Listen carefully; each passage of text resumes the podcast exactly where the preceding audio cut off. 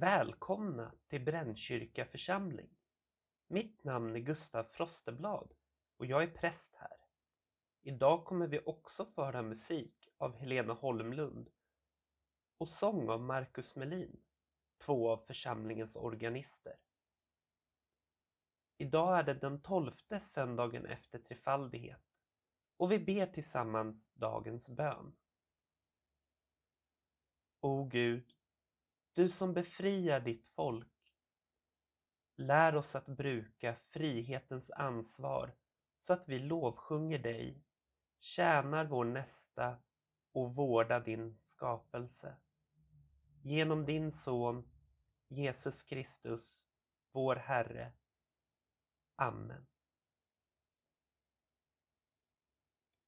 Jag läser dagens evangelietext hämtad från Markus evangeliets andra kapitel.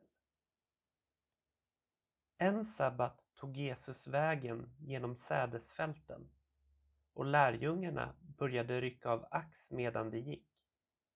Då sade fariseerna till honom Varför gör de sådant på sabbaten som inte är tillåtet? Han svarade Har ni aldrig läst vad David gjorde när han och hans män blev hungriga och inte hade något att äta? Han gick in i Guds hus. Det var när Eviatar var överstepräst och åt upp skådebröden som inga andra än prästerna får äta och gav dem också som var med honom. Och Jesus sade till dem Sabbaten blev till för människan och inte människan för sabbaten. Alltså är Människosonen Herre över sabbaten. Så lyder det heliga evangeliet. Lovad vare du, Kristus.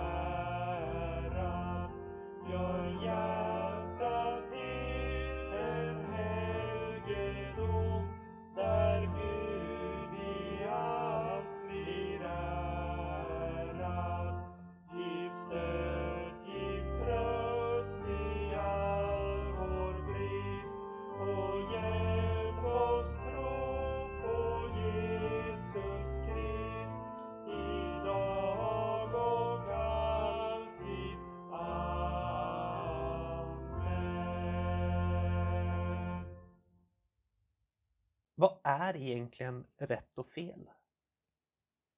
Har ni tänkt på det någon gång? Det är ju ganska lätt att säga att jo men så där får man göra. Så där får man inte göra. Men varför? Vad är meningen? Allting har ju en mening. Även de bud vi har fått. Varför ska vi göra på vissa sätt? När är det ibland tillåtet att bryta mot buden? När är det rätt att göra det som är fel? Och när är det fel att göra det som är rätt? Det vet alena Gud. Men vi som människor, vi kan ändå tänka och försöka komma på ett svar också. Som sabbaten. Fariseerna kommenterade till Jesus att hans lärjungar på sabbaten, på vilodagen, ryckte upp ax från fälten. Det var ju att skörda. Det var ett arbete. Sånt man inte ska göra på vilodagen. Men varför har vi då fått vilodagen? var frågan Jesus ställde tillbaka. Sabbaten blev till för människan och människan in, blev inte till för sabbaten. Vilodagen blev till för människan och människan är inte till för vilodagen. Jag tänker att vi från det här kan ta ut att vi måste tänka igenom vad är bakgrunden till det här budet? Vilodagen blev till för att Gud valde att vila på den sjunde dagen efter att han skapat världen. Och vilodagen blev också till för att vi människor ska komma ihåg att vi behöver vila ibland också. Vi kan inte jobba sju dagar i veckan och aldrig få en lugn stund. Det orkar inte våra kroppar och det orkar särskilt inte våra huvuden. Utbrändhet och stress, de bygger på varann. När man har för mycket att göra och aldrig får möjlighet att vila och varva ner. Därför finns vilodagen. Så att vi kan få vila och komma ihåg att ta det lugnt. Och vi får titta på vad var det för arbete som hände egentligen? Lärjungarna tog inte fram en skördetröska och gick ut och började skörda hela fältet. De plockade lite så att de kunde äta. Ungefär som att vi skulle gå ut till ett äppelträd och plocka ett äpple för att vi var hungriga. Det är inte samma arbete som att vi går ut för att nu ska vi plocka alla äpplen och sen sälja dem eller laga till någonting av dem. Alena Gud, bara Gud, vet ursprunget till alla bud vi har och vet vad som är rätt och fel. Men vi som människor, vi har också en uppgift att tänka och fundera på varför. Låt oss så tillsammans be den bön som Jesus själv har lärt oss att be. Vår Fader, du som är i himlen. Låt ditt namn bli helgat. Låt ditt rike komma. Låt din vilja ske på jorden så som i himlen. Ge oss idag det bröd vi behöver och förlåt oss våra skulder liksom vi har förlåtit dem som står i skuld till oss. Och utsätt oss inte för prövning utan rädda oss från det onda. Ditt är riket, din är makten och äran i evighet. Amen. Herren välsigne er och bevare er. Herren låte sitt ansikte lysa över er och vare er nådig. Herren vände sitt ansikte till er och give er frid. I Faderns, Sonens och den helige Andes namn. Amen.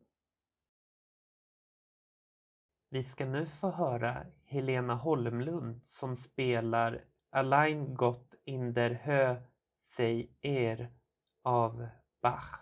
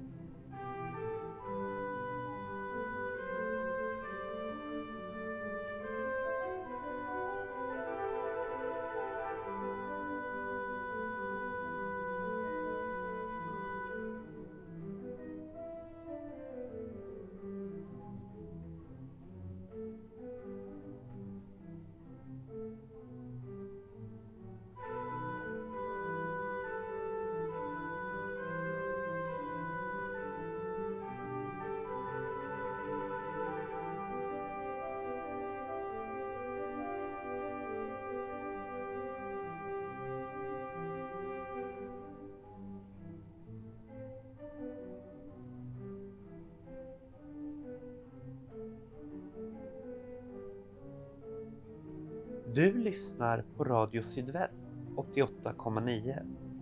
Detta har varit en utsändning från Brännkyrka församling.